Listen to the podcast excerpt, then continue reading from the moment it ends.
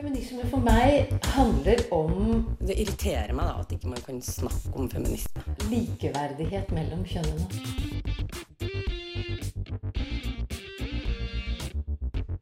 Det blikket på kvinnen på film. handlet om å bli tatt på alvor som jente.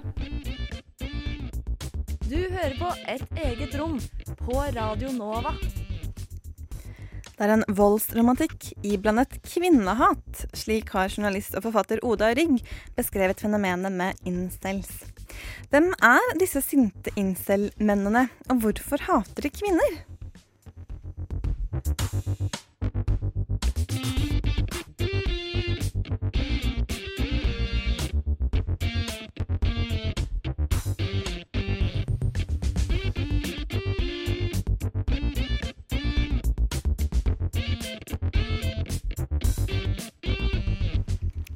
Hei, hei og god morgen, Hei.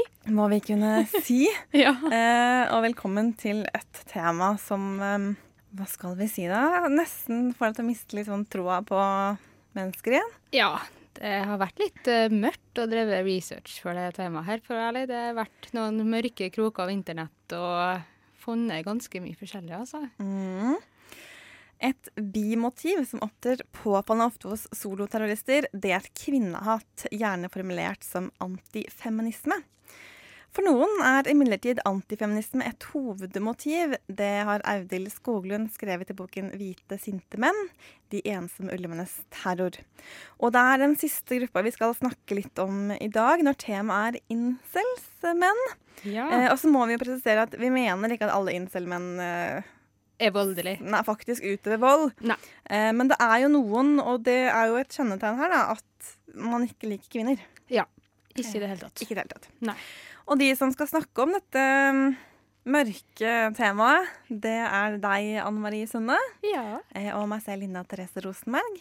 Eh, og jeg vet jo nesten ikke helt hvor jeg skal starte engang, skal jeg være helt ærlig. Nei, vi kan jo kanskje starte med en eh, definisjon, da. Eh, som Michael Kimmel kom med, av hva Ja. incel er for noe. Ja, det blir Eh, helt kort. Ja, helt Ja. kort, helt, helt presis, og så må vi jo forklare det litt. Men han har iallfall beskrevet det som menn som tror de fortjener sex, mener de har krav på det, og så mener det er kvinner sin feil at de ikke får det. Og det er en viktig Det er kanskje to nøkkelord her. Da. Det er sex og kvinnehat. Vi har jo ennå ikke sagt noe om hva er det egentlig incel betyr. Ja. Så kanskje vi bare skal eh, hva skal jeg si, eh, legge ordet til eh, Andrea Marie Skeid, som har laget en sånn introduserende liten lydsak for oss.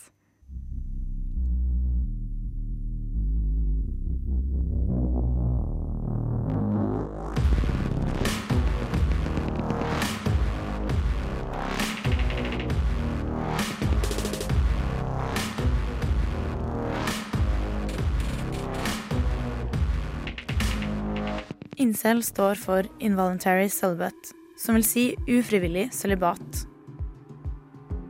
Incel er en bevegelse som har vokst fram på ulike forum på nett, og et av de mest sentrale kjennetegnene er hat og misnøye knytta til chads og stasis. Chads og stasis? Hvem er det, tenker du kanskje?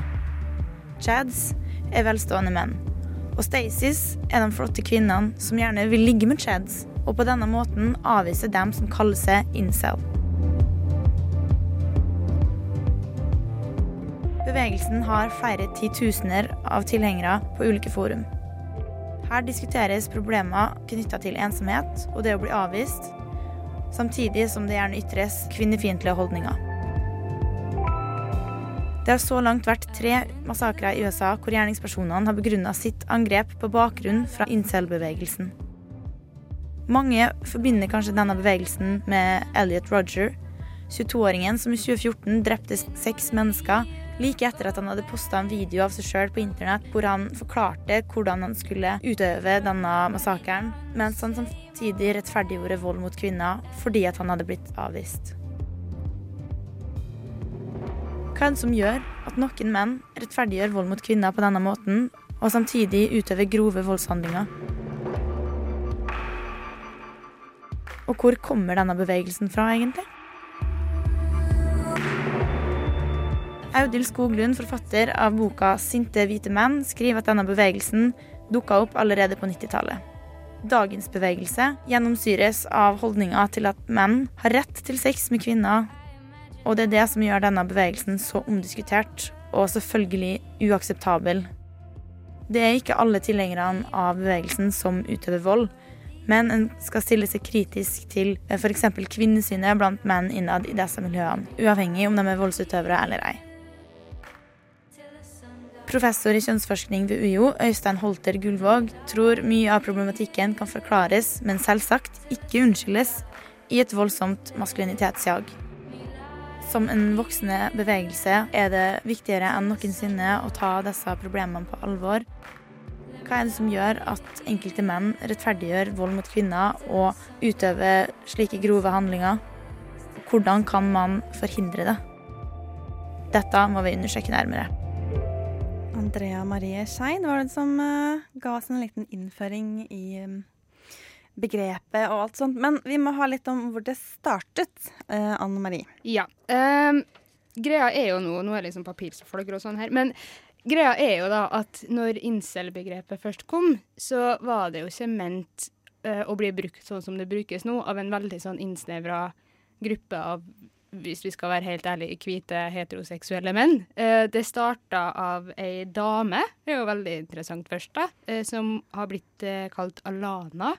Jeg har ikke lyst til å bruke sitt eget etternavn, liksom men det var et intervju med The Guardian der hun snakka om det etter Toronto-angrepet og sånn, og da sa hun det at hun starta ordet for å gi på en måte trøst da, til dem som er ensom og bortkomne sjeler, har hun beskrevet det som, da, som ikke får sex. Det skulle være både menn og kvinner og alt imellom. Det skulle være alle forskjellige årsaker til at de ikke fikk sex. Eh, så det her utvikla seg, da, det begrepet, til at hun starta et internettforum, en nettside der de kunne prate, og som sagt, alle forskjellige mennesker kunne prate. Og så gikk det veldig bra da, etter det her. Så hun fikk seg jo da sosialt nettverk og ikke følte seg like mye som en incel sjøl, så hun lot noen andre overta det nettstedet og nettverket hennes innen den gruppa, og så hørte hun egentlig ikke noe mer om det før i 2014, på grunn av grunner som vi kanskje kommer tilbake til. Ja, Ja. altså det, det er denne selvhjelpsmentaliteten som egentlig var utgangspunktet her, da, rett og slett. Mm. Eh, men det har også vært det er også utgangspunktet for disse incel, eh, altså mannegruppene, da. Ja. Eh, dette med hvordan bli den mannen som kvinner vil ha, det var liksom utgangspunktet. Og så er det noen som har sagt at det var ganske sånn manipulerende tips. Det var ikke den eh, helt kanskje ærlige eller ja, hva skal jeg si? Når man er manipulerende, så kan man kanskje være litt sånn Ja. er litt på grensa hvor ærlig man er, kanskje. ja. Eh, liksom manipulerende måtene å bli en bedre mann på for å bli mer attraktiv og dermed få sex. ja. Eh, og Andrea nevnte jo han Elliot Rogers. Det var det han som kom på banen i, i 2014. ja. Og han også startet i en sånn selvhjelpsgruppe. Mm. Eh, og så fungerte det ikke helt. Og så på et eller annet sted så har han blitt da radikalisert i disse gruppene og foraene.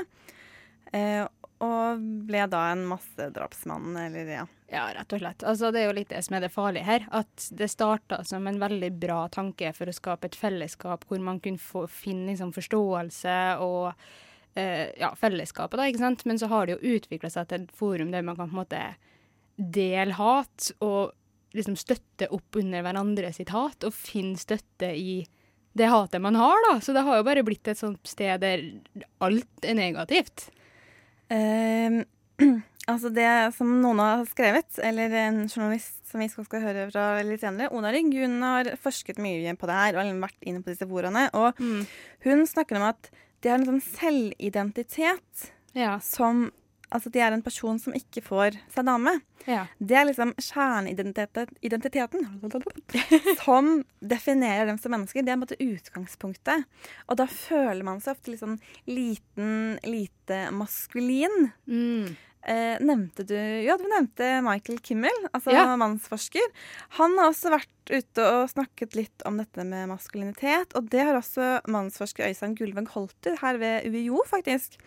Han uttalte til Aftenposten tidligere i år at eh, dette med maskulinitet har blitt så mye viktigere, og dette med å bygge identitet som maskulin har også blitt viktigere. Ja. Og det er på en måte blitt en egen slags kapital. Ja. Det sånn, kvinner har liksom den seksuelle Seksuell kapital. kapitalen, Ja. så er det, det maskuline er en egen kapital i tillegg til sånne faktorer som utdanning og inntekt.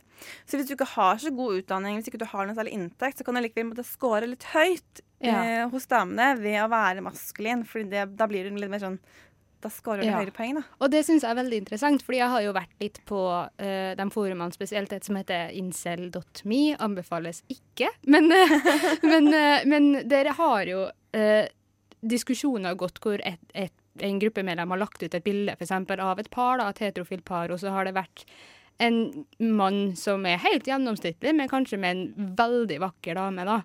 Og da har jo diskusjonene deres gått over sånn Hvordan i alle dager har han klart det her? Det her er ikke riktig, det her er urettferdig, det her er nok en ting som trykker oss andre ned, osv., osv. Og, og da kan jo kanskje det være det de ikke ser, da, men som kanskje de forskerne påker på, at det kan være andre former for kapital som ikke er utseende, som gjør at det likevel matcher.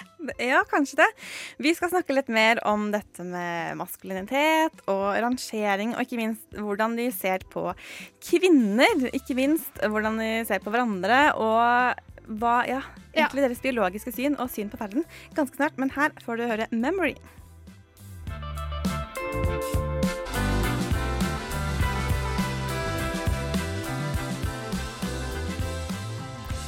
Norske Pish hørte du her med låta 'Memory'. Eh, Jeg skulle gjerne si nå at vi har fått noen gjester inn i studio som kan hjelpe oss å få litt tak på det vi snakker om. Men vi har ikke fått noen som har tid Nei. til å komme på besøk hos oss.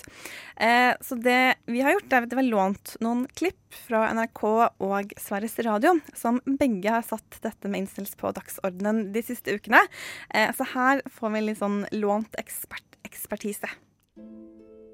Och det är en del av en större rörelse, det vi kan kalla för manosfären, som är, kommer ut ur många sånne här forumtrådar på 4chan och eh, andra liknande. Det er et verdensbilde der kvinner har nærmest all makt i samfunnet. De har en slags sånn nærmest monoman fiksering på kjønnsroller. Det handlar snarare om att bygga en trosuppfattning via en, en, en grupp människor stötta varandra i att liksom, man har rett i å hata omverdenen. Veldig nedsettende beskrivelser av kvinner. altså det er et, et av disse slangeordene går på at kvinner som har hatt sex veldig mye, ser ut som roastbiff der nede.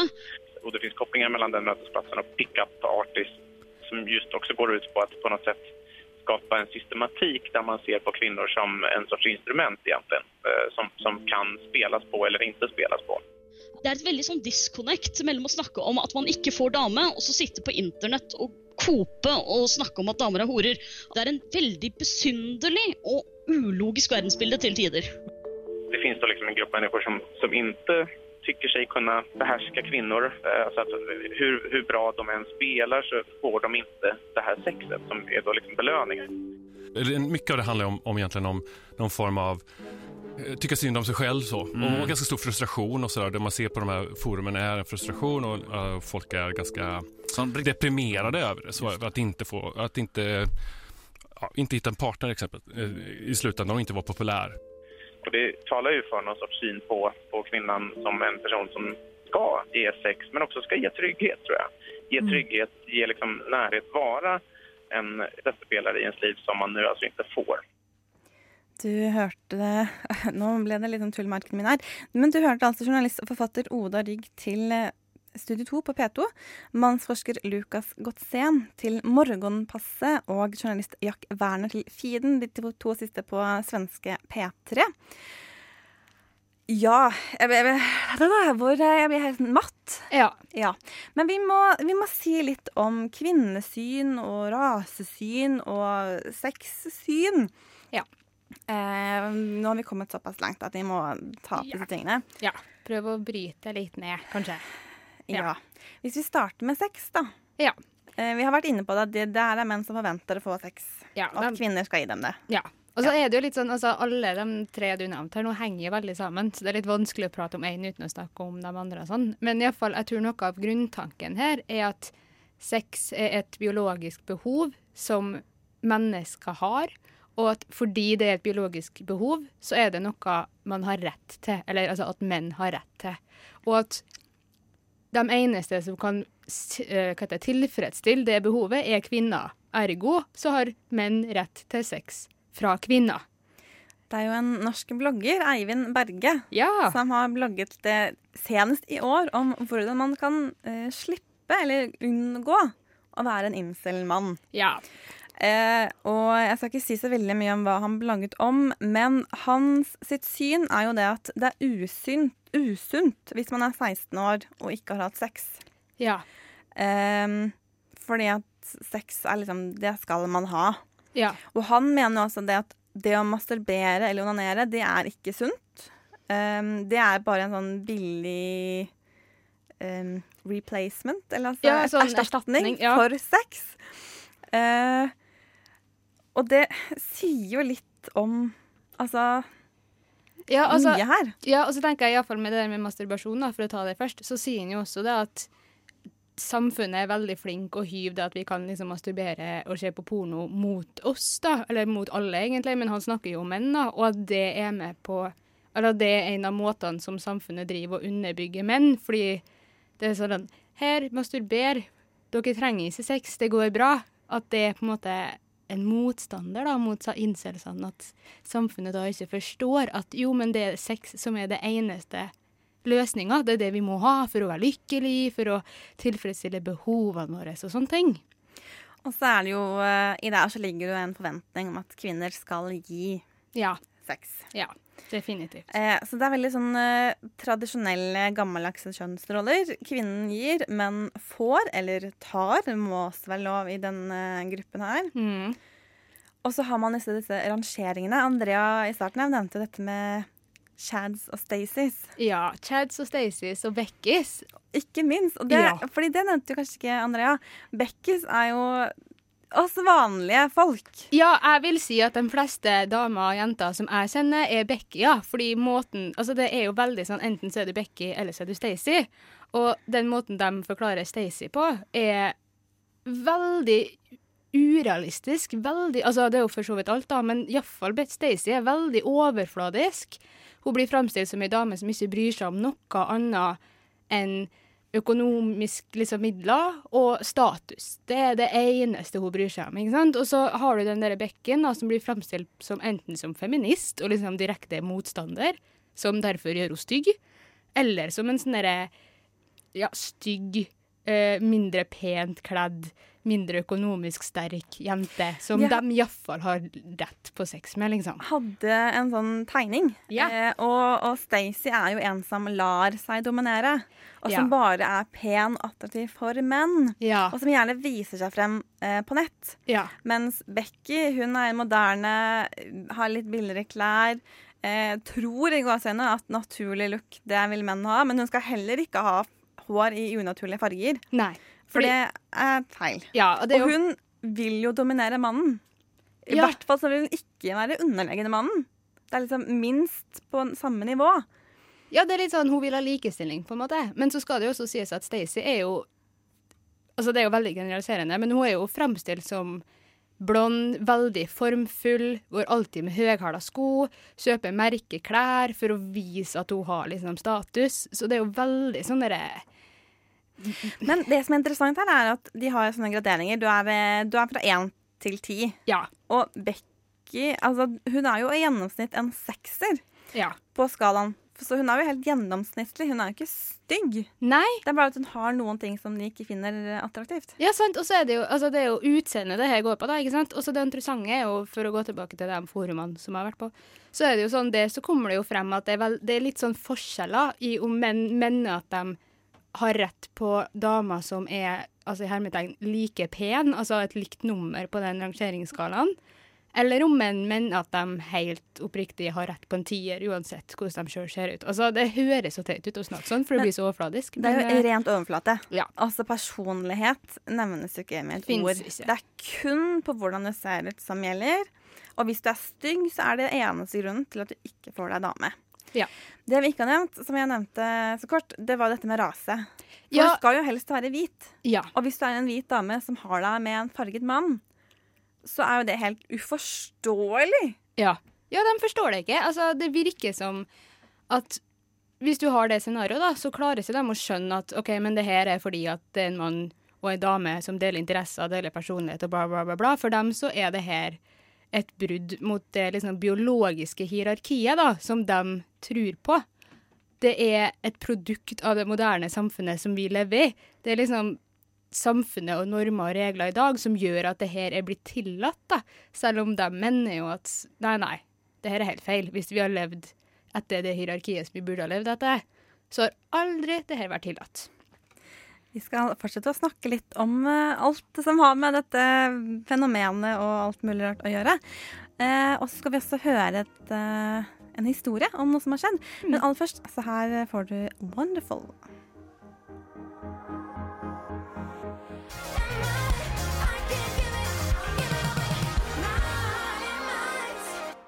Bal, vi hørte det der med låta 'Wonderful', det er Oslo-basert band, og det her var deres aller første singel. Og det er eh, Linda og Anne Marie som holder med selskap her fra Radio Nova, og da Incel som er temaet, ja. som vi er så veldig, veldig glad i. Eh, vi skal rett og slett få en liten historie, fordi at eh, det har vært en del massakre, og noen av de er ganske kjent. Eh, jeg har funnet en som kanskje ikke er fullt så kjent, som vi nå skal få høre mer om. Søker man opp ordet incel på internett, finner man fort saker om angrepene til Alec Minastian og Elliot Roger. Kanskje ikke så rart, ettersom Minastian selv hyllet Roger på sosiale medier like før han drepte ti mennesker med en lastebil. Roger begikk sine drap i 2014. Og som ung feminist i dag, så kan man fort få litt inntrykk av at det ikke var noen store massakrer for dette i nyere tid, der hovedmotivet virket å være hat mot kvinner. Et av de mest kjente eksemplene på terrorhandlinger motivert av kvinnehat skjedde derimot i Canada i desember i 1989. December 6, 1989 started off like any other day, but ended in horror, forever being labeled in Canadian history as the Montreal Massacre. Mark Lepin er kanskje et ukjent navn for mange i dag. Men likevel så er han ganske aktuell å nevne i en sending som dette.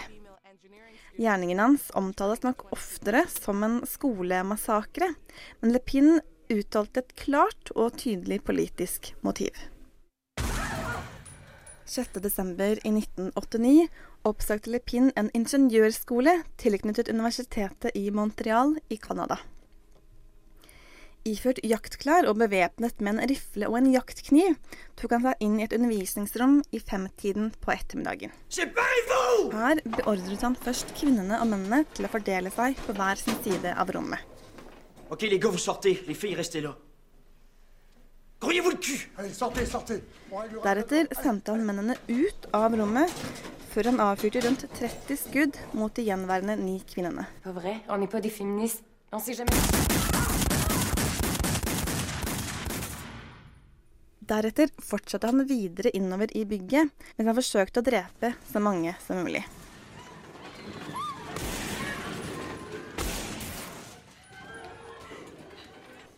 Da Lepin til slutt vendte våpenet mot seg selv, hadde han drept 13 kvinnelige studenter og en kvinnelig foreleser. I tillegg hadde han skadet ytterligere tolv kvinner og fire menn.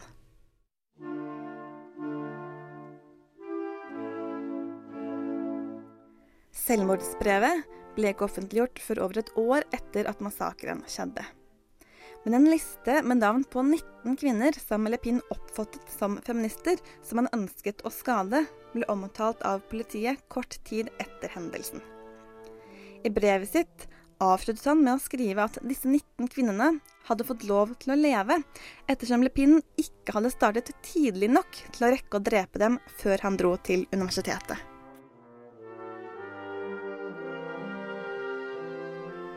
I etterkant ble det diskutert om Lepin hadde vært psykotisk, eller om han hadde hatt en personlighetsforstyrrelse. Flere, ikke minst i ettertid, har likevel ment at massakren var et eksempel på kvinnehat og vold mot kvinner.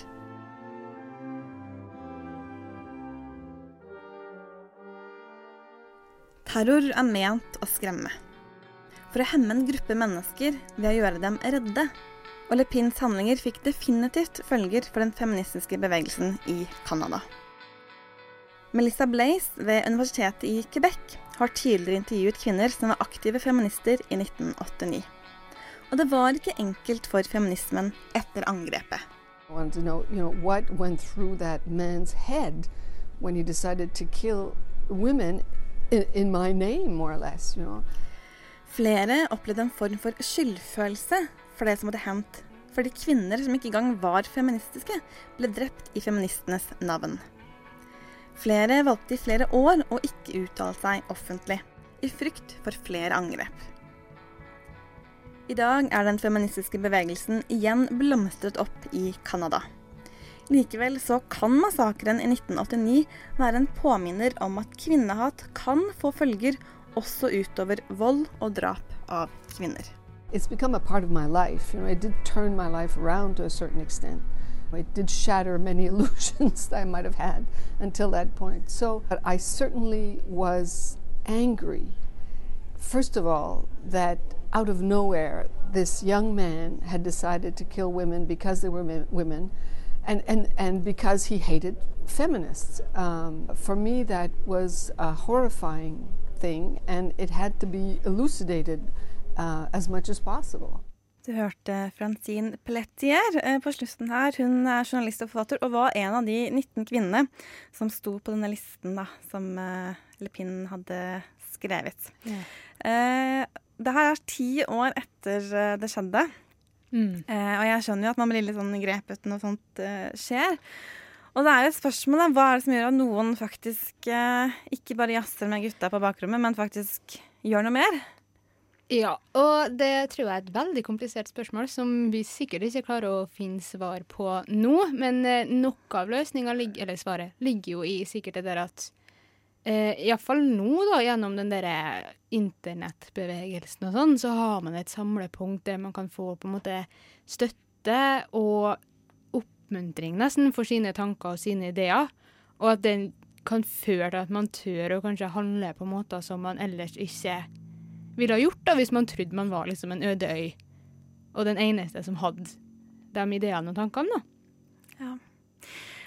Og så eh, må vi snakke litt om Det er noe som foregår på internett, og man ja. får litt inntrykk av at det her er jo en hel bevegelse. Ja. Um, og det er det ikke alle som er enige om. Vi har nevnt Michael Kimmel eh, noen ganger allerede. Og han er en av de som mener at det ikke kan kalles en bevegelse. Mm. Fordi det er en såpass liten gruppe det gjelder. Ja. Eh, og så må man jo si at man vet faktisk ikke hvem de er, hvor de kommer ifra, eller hvor mange de er. Eh, men man regner med at de ikke er så veldig mange. Så Kimmel mener at ja, de har blitt synligere, og de har blitt mer høyrøstet fordi de har funnet hverandre på internett. Før internett så satt man på hver sin tue. Og så har man funnet et sånn felles rom mm. hvor man kan både jazze litt med hverandre og heise opp stemningen. Eh, og da blir de synligere og kanskje også litt mer ekstreme i sine meninger. Ikke nødvendigvis i sine handlinger, men eh, hva de skriver og hvordan de skriver det. Mm. Men det han har skrevet, er at han anslår hele denne manosfæren som incel-bevegelsen, som han ennå ikke er en bevegelse, er en del av. Eh, det utgjør på nett noen hundre tusen i USA. Og i tillegg til denne, disse incel-mennene, så inkluderer han nettroll, som da går til angrep mot kvinner på nett. Eh, aktivister for menns og fedres rettigheter. Og en gruppe menn som eh, rett og slett er så lite fornøyd med kvinner og damer at de har bestemt seg for å klare seg uten. Ja, og så tenker jeg sånn, Det er jo litt viktig det man peker på her, da, at man setter inn i en sånn større kontekst av den bevegelsen vi ser, da, av kanskje litt kvinnefiendtlig, iallfall hvis man skal tørre litt forsiktig her, da. Hvite menn som vi ofte hører om, spesielt fra USA, men i Vesten generelt, som stemmer på Trump, hvis vi skal være helt ærlige på en måte, at den bevegelsen av menn har jo fått mer oppmerksomhet i den siste tida, og det er jo skikkelig farlig, fordi hvis vi går tilbake til de nettstedene og sånn, så får du jo det der ekkokammereffekten, ikke sant, at det derre lydbølgen blir jo bare større og større jo flere som roper det samme, ikke sant, og da er det jo kanskje å tenke seg at en person inn der kan finne på å plukke opp en tanke eller en idé, og gjøre mer med den ideen enn det resten av gruppa egentlig er enig i. Da. For det er jo verdt å påpeke når man snakker om det med uh, incels som blir voldelige, at mesteparten av incelsene, også på de gruppene, støtter jo ikke den volda. De er jo harmløse. Ja, og det er litt Um, viktig. Det er ikke sånn at alle incels har lyst til å drepe kvinner, på en måte. Men, men, ja, men så er det Når bikker det over? Og her tror jeg det handler veldig mye om at når flere kommer eh, sammen og liksom heiser hverandre opp litt Mm. eh, eh, Hun Oda som vi hørte om tidligere i dag, eh, i et klipp, hun har snakket om at det, det her er litt sånn De fleste bare jazzer litt med gutta. Men hvor langt hvor, Når er det ikke jazzing? Når er det rett og slett bare rent hat som man spyr ut? Det betyr jo ikke at man blir voldelig, men, men det er noe med at eh, jeg tror retorikken blir mye sterkere i et sånn type ekkokammer som disse foraene er. Det tror jeg også. Og så tenker jeg, fordi når, når jeg satt og leste litt, og sånn, så er det jo alt fra sånn Jeg syns ikke kvinner bør få kjøre bil, til sånn vi må gjøre drastiske tiltak for å få tilbake posisjonen vår i samfunnet. ikke sant? Og jeg tror det er vanskelig i det ekkokammeret også da, å se sjøl hvem det er som faktisk har handlinger i tankene, eller hvem som bare sitter og trenger å få ut aggresjon. For det er jo det som blir problemet, når den aggresjonen faktisk blir til handlinger. da. Så det er litt sånn, hva, Hvis utgangspunktet er kvinnehat, eh, eller hva det nå som er bunner i det, eller om det er mangel på sex og oppmerksomhet, og at man føler seg utenfor alle andre Mm. hvis, vi- altså, Uansett hva det er som er den første faktoren, så så eller tenker jeg at det er en sånn dam som bare ringene sprer seg litt ut, utover. da. Mm. At det var kanskje ikke så mye av dette tankegodset som egentlig var hos deg i utgangspunktet, men så blir man måtte, indoktrinert Mm. i denne ideologien, mer eller mindre. Ja, og jeg tenker det er jo litt sånn, hvis vi går tilbake til det med radikalisering og sånne ting òg, så er jo det liksom sånn gruppementalitet one on one, ikke sant? At du møter andre som forstår deg, og som er enig med deg, og så i hvert fall hvis du er en person som kanskje ikke har møtt så mye forståelse før, da, som ikke har tilhørt gruppa, som kanskje har stått litt utafor klassemiljøene, som ikke har hatt så mange venner, ikke sant? Og så kommer du i det forumet og møter bare folk som er enig med deg, på en måte. Så blir jo det det fellesskapet du føler at du ikke har hatt før. Vi fortsetter å snakke om incelen videre utover. Eh, blant annet så må vi snakke litt om menn og kvinner og incel og litt sånne ting. Eh, men akkurat nå så får du Camp Candle her på eh, Radio Nova. Indie-popduo fra Philadelphia med låta Save Me.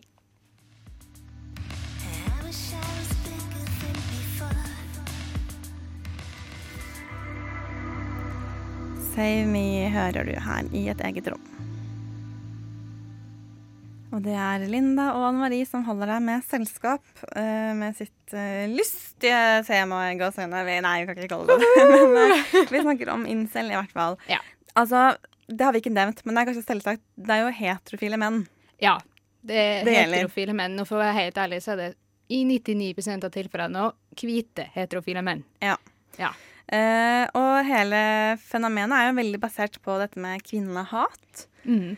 Uh, med klare helter og fiender. En veldig glad oppfatning om grunnen til hvorfor eh, det er så mye elendighet. Det er da feminister, selvstendige kvinner, samfunnet som uh, gjør det slik at man har selvstendige feministiske kvinner. Men de liker jo heller ikke konkurrerende menn. Nei, de gjør jo ikke det. Altså, det er jo de chadsene, da. Menn som er attraktive, som har sex. Uh, som er dem som flesteparten av kvinner har lyst til å ha sex med. Altså, incels mener jo det at 20% av uh, alle mennene har 80% av sexen. Altså av all sex. Eh, Med så- damer. Med damer. Så de mener jo da at liksom det er en 20% liten gruppe med chad-menn som har 80% av all sex med damer, som gjør at du har på en måte da 80% av incel-fyrer som liksom må kjempe for de resterende 20% av damer å ha sex med, da. Og hvis man tenker på hvor normalt, eller normen fremdeles er at kvinne og mann lever sammen, har barn, ja. så kan man da lure på hvordan de får det til å gå opp i samfunnet. Ja. Eh, og det er jo ikke bare det at det er eh, disse 20 mennene som skal liksom konkurrere. Nei, altså 80% av mennene skal konkurrere med 20% av damene. Men det er jo da 10% av mennene som aldri får seg dame. Som er disse incel-mennene. Så er det 10% menn som er litt sånn De er ikke chads, men eh, de får dame likevel. Ja. Og så tenker jeg litt sånn, det går jo sånn, Hvis vi prøver å sette inn Torgeir-setting, da, så er det jo en professor på UiO i sosialantropologi, eh, Torgeir Kolshus, som var eh, intervjua på NRK i 2016, tror jeg. Skal ikke si det helt sikkert. Og han snakka jo litt om det at det er færre i Norge i dag som får f.eks. barn, og det er jo ofte tegn på sex og partnerskap og sånne ting, ikke sant? Og at det er flere menn spesielt i Norge i dag som er ufrivillig barnløse. ikke sant? Og jeg tenker det henger litt sammen, og en av forklaringene hans er jo eh, det at kvinner i dag er veldig, eller har på en måte en mulighet til å være mer selektiv i menn hun velger. Og at eh, kvinner har lyst på menn som har lik status eller høyere status enn seg sjøl. Det betyr utdanning, penger, sosialt nettverk, sånne ting. Og det gjør jo da at menn som f.eks. bor på bygda, hvor mesteparten av kvinnene er flytta vekk fra, sliter veldig med å møte damer. Så hvis vi setter inn i en sånn sammenheng, så kan man jo argumentere for at ja, det er kanskje et poeng i det at det er vanskeligere for enkelte menn å få seg damer. Men problemet er jo den derre retten som de prøver å si at de har, da. Men her også kan man jo litt forstå denne motstanden mot feminismen og likestillingssamfunnet. Ja. Fordi at når kvinner var avhengig av en mann for å kunne bli forsørget, Mm. så tenker man kanskje at da var det litt lettere å få seg en kone, da. Ja, altså jeg tenker incels tenker iallfall det, for de tror jo på det biologiske hierarkiet hvor utseendet er alt, ikke sant. Og de tenker jo seg da at i et samfunn hvor kvinner var avhengig av menn, så var på en måte en treerkvinne måtte ta til takke med en treermann fordi hun var avhengig av en mann. Men de mener jo da at i dagens samfunn med liksom kvinnevennlige normer og sånne ting, så kan, velge, altså kan kvinner velge bort menn i det altså i hele tatt. Det er andre ting som spiller noen rolle enn den der tryggheten. da. Og det gjør at de ikke får de der look-matchene sine da, som de er ute etter. Ja. Ja, interessant. Eh, Og, og dette med at det er så veldig sånn fokusert på utseende og hvor attraktiv man er. Fordi man kan i deres øyne ikke være attraktiv ut ifra personlighet. Nei, sånn som jeg har forstått det, så er det faktisk fysisk attraktiv. Hvis du er pen fyr, men en drittsekk, så er det fremdeles uh, den damene vil ha i incels-miljøets øyne. Ja. Sånn at det er jo et eller annet som skurrer overalt, eh, kan man jo si. Men nå har vi snakket mye om menn, og Ja. menn som lever i ufrivillig sølibat. Eh, Line Svendsen hun har sett litt på dette med incel og kvinner. Så vi skal høre litt om eh, hvordan det står til på den fronten.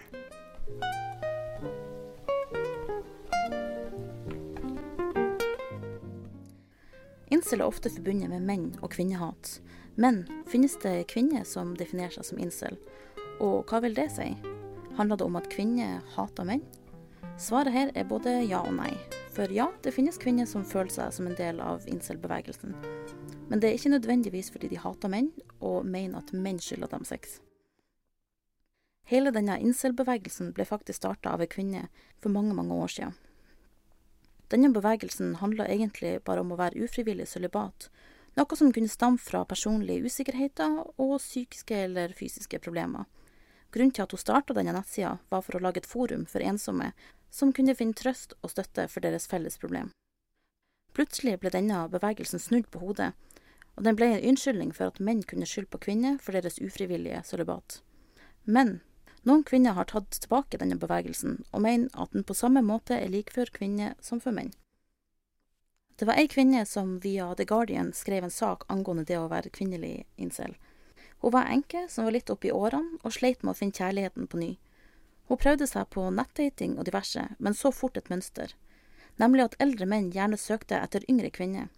Det å finne en jevnaldrende person viste seg å være veldig vanskelig, og personlig var hun ikke veldig interessert i en mann som var 10-20 år eldre enn det hun sjøl var.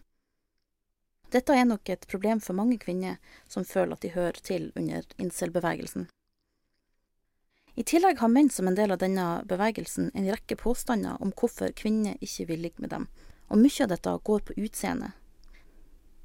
Enkelte menn tenker at kvinner ikke vil ha sex med dem fordi de ikke er fysisk attraktive nok, og så tar de seg nær av det. Men det sykeste med dette er jo at menn i alle år har objektivisert kvinner og deres utseende. Man tenker kanskje at incel er noe som har kommet av menn, men sannheten er jo at det øyeblikket vakre kvinner begynte å bli idealisert og forguda, ble incel en del av alle kvinner. De kvinnene som ikke nådde opp til disse idealene, ble mindre attraktive for menn, og sleit med å finne seg eventuelle partnere, fordi de konstant skulle sammenligne seg med andre kvinner som ble sett på som penere enn det de var.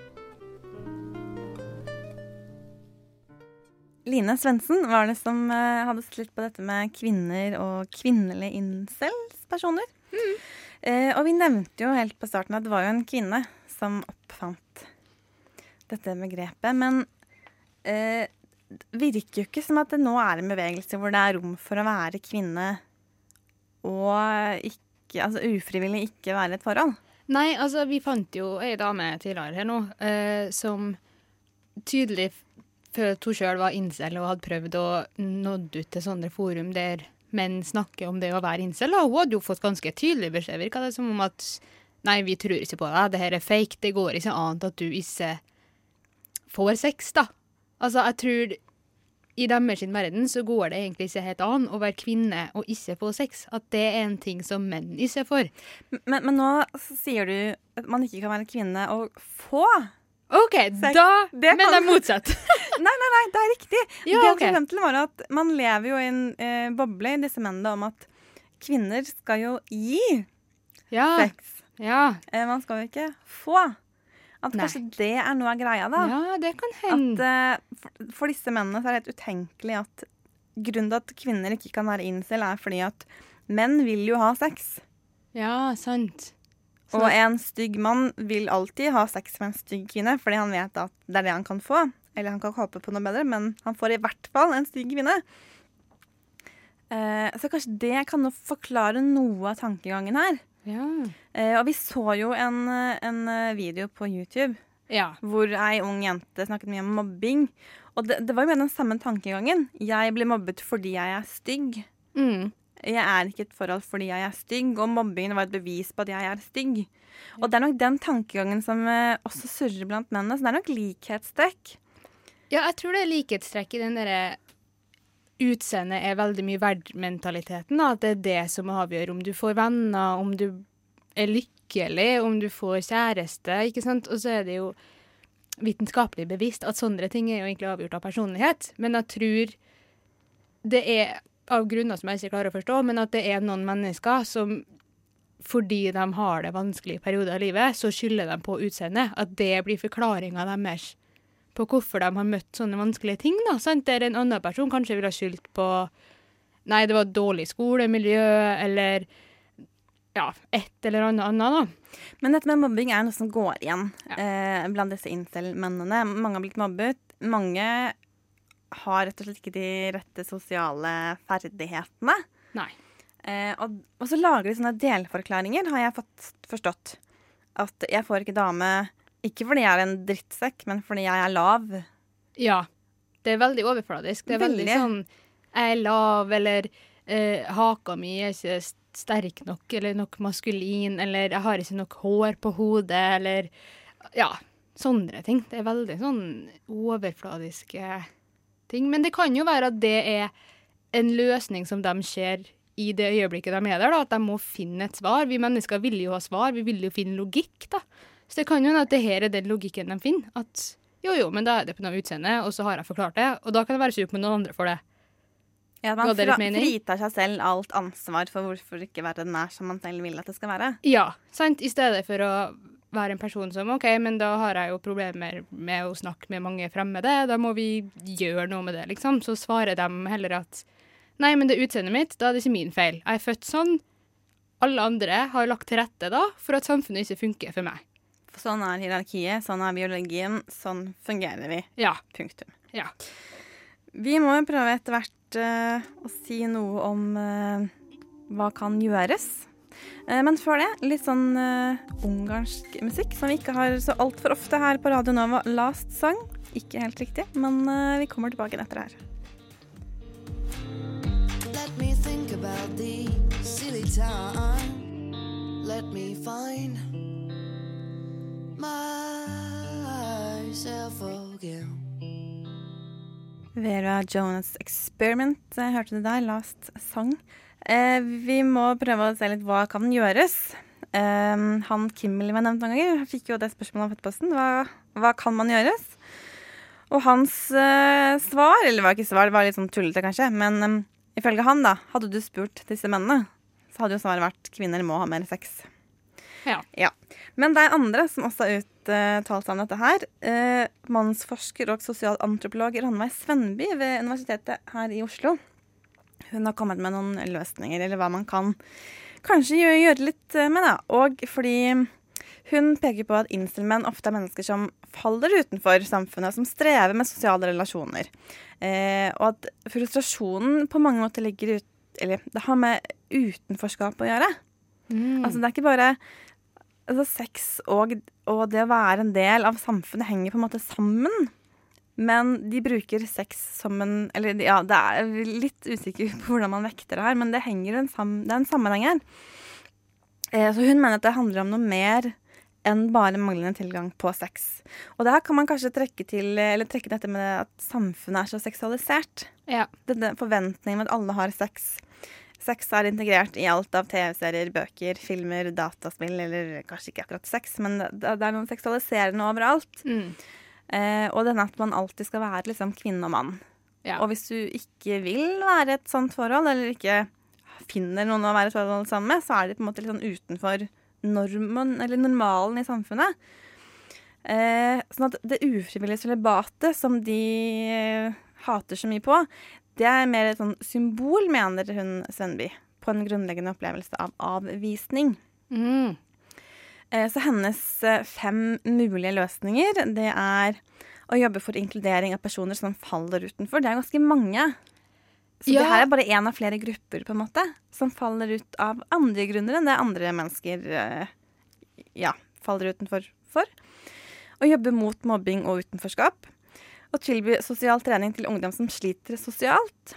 Eh, og nå kommer de kanskje viktigste punktene i mine øyne. Å bryte ned unyanserte ideer om at manndom er det samme som tilgang på sex. For det er på en måte høyfjellet i deres tankegang. Ja. Og dette med at man må dra kunnskap om sex ned på jorda igjen.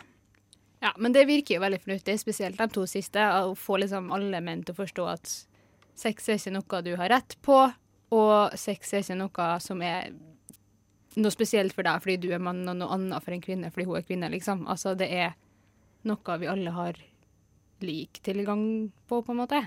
Ja, noe sånt. Ja. Jeg synes det er ganske Dette med at man må liksom, ta, gjøre noe med, med dette seksualiserte samfunnet og forventninger om sex og tanker om sex. Rett og litt, eh, slett med litt sånn seksualopplysning. Ja, fordi det er jo en tanke nå om at sex er noe vi har. Det er en eiendom, liksom. Altså, det er Ja. noe vi eier som vi har med oss, nesten. på en måte, At det blir sånn Enten ser... Har du, eller har du ikke. ikke sant? Jeg Og tror da, de også ser på sex som en slags kapital. Ja. Eh, På godt og vondt. For dem så blir det jo mest vondt. Ja. Og derfor vil jeg ha den gode delen. Dette med at sex blir på en måte ikke bare en løsning på problemet, men også en slags belønning for at Mm. de har Ja, det, det er en belønning å være det normale i samfunnet. Da får man sex. Mm. Vi må gjøre en eh, rask avslutning. De som har bidratt til denne sendingen, det har vært Andrea Skeid og Line Svendsen. I studio så har du hørt stemmene til Anne Marie Sunde og Linda Therese Rosenberg. Det er altså meg. Forrige mandag så nevnte vi at et flertall i Irland ønsker en liberalisering av abortreglene. De hadde en folkeavstemning eh, forrige helg, eller ikke nå helg, men helgen for der igjen. Eh, Og det vil vi se litt nærmere på. Så neste mandag så kaster vi blikket til Irland og til abortdiskusjonen der, som har pågått i flere tiår. Eh, Så det er bare å glede seg altså til neste mandag. Og så er det vel bare å si takk for nå. Ja. Ha det fint. Du har hørt en podkast fra Et eget rom på Radio Nova. Vil du høre mer? Sjekk ut Et eget rom på Facebook, Instagram eller radionova.no.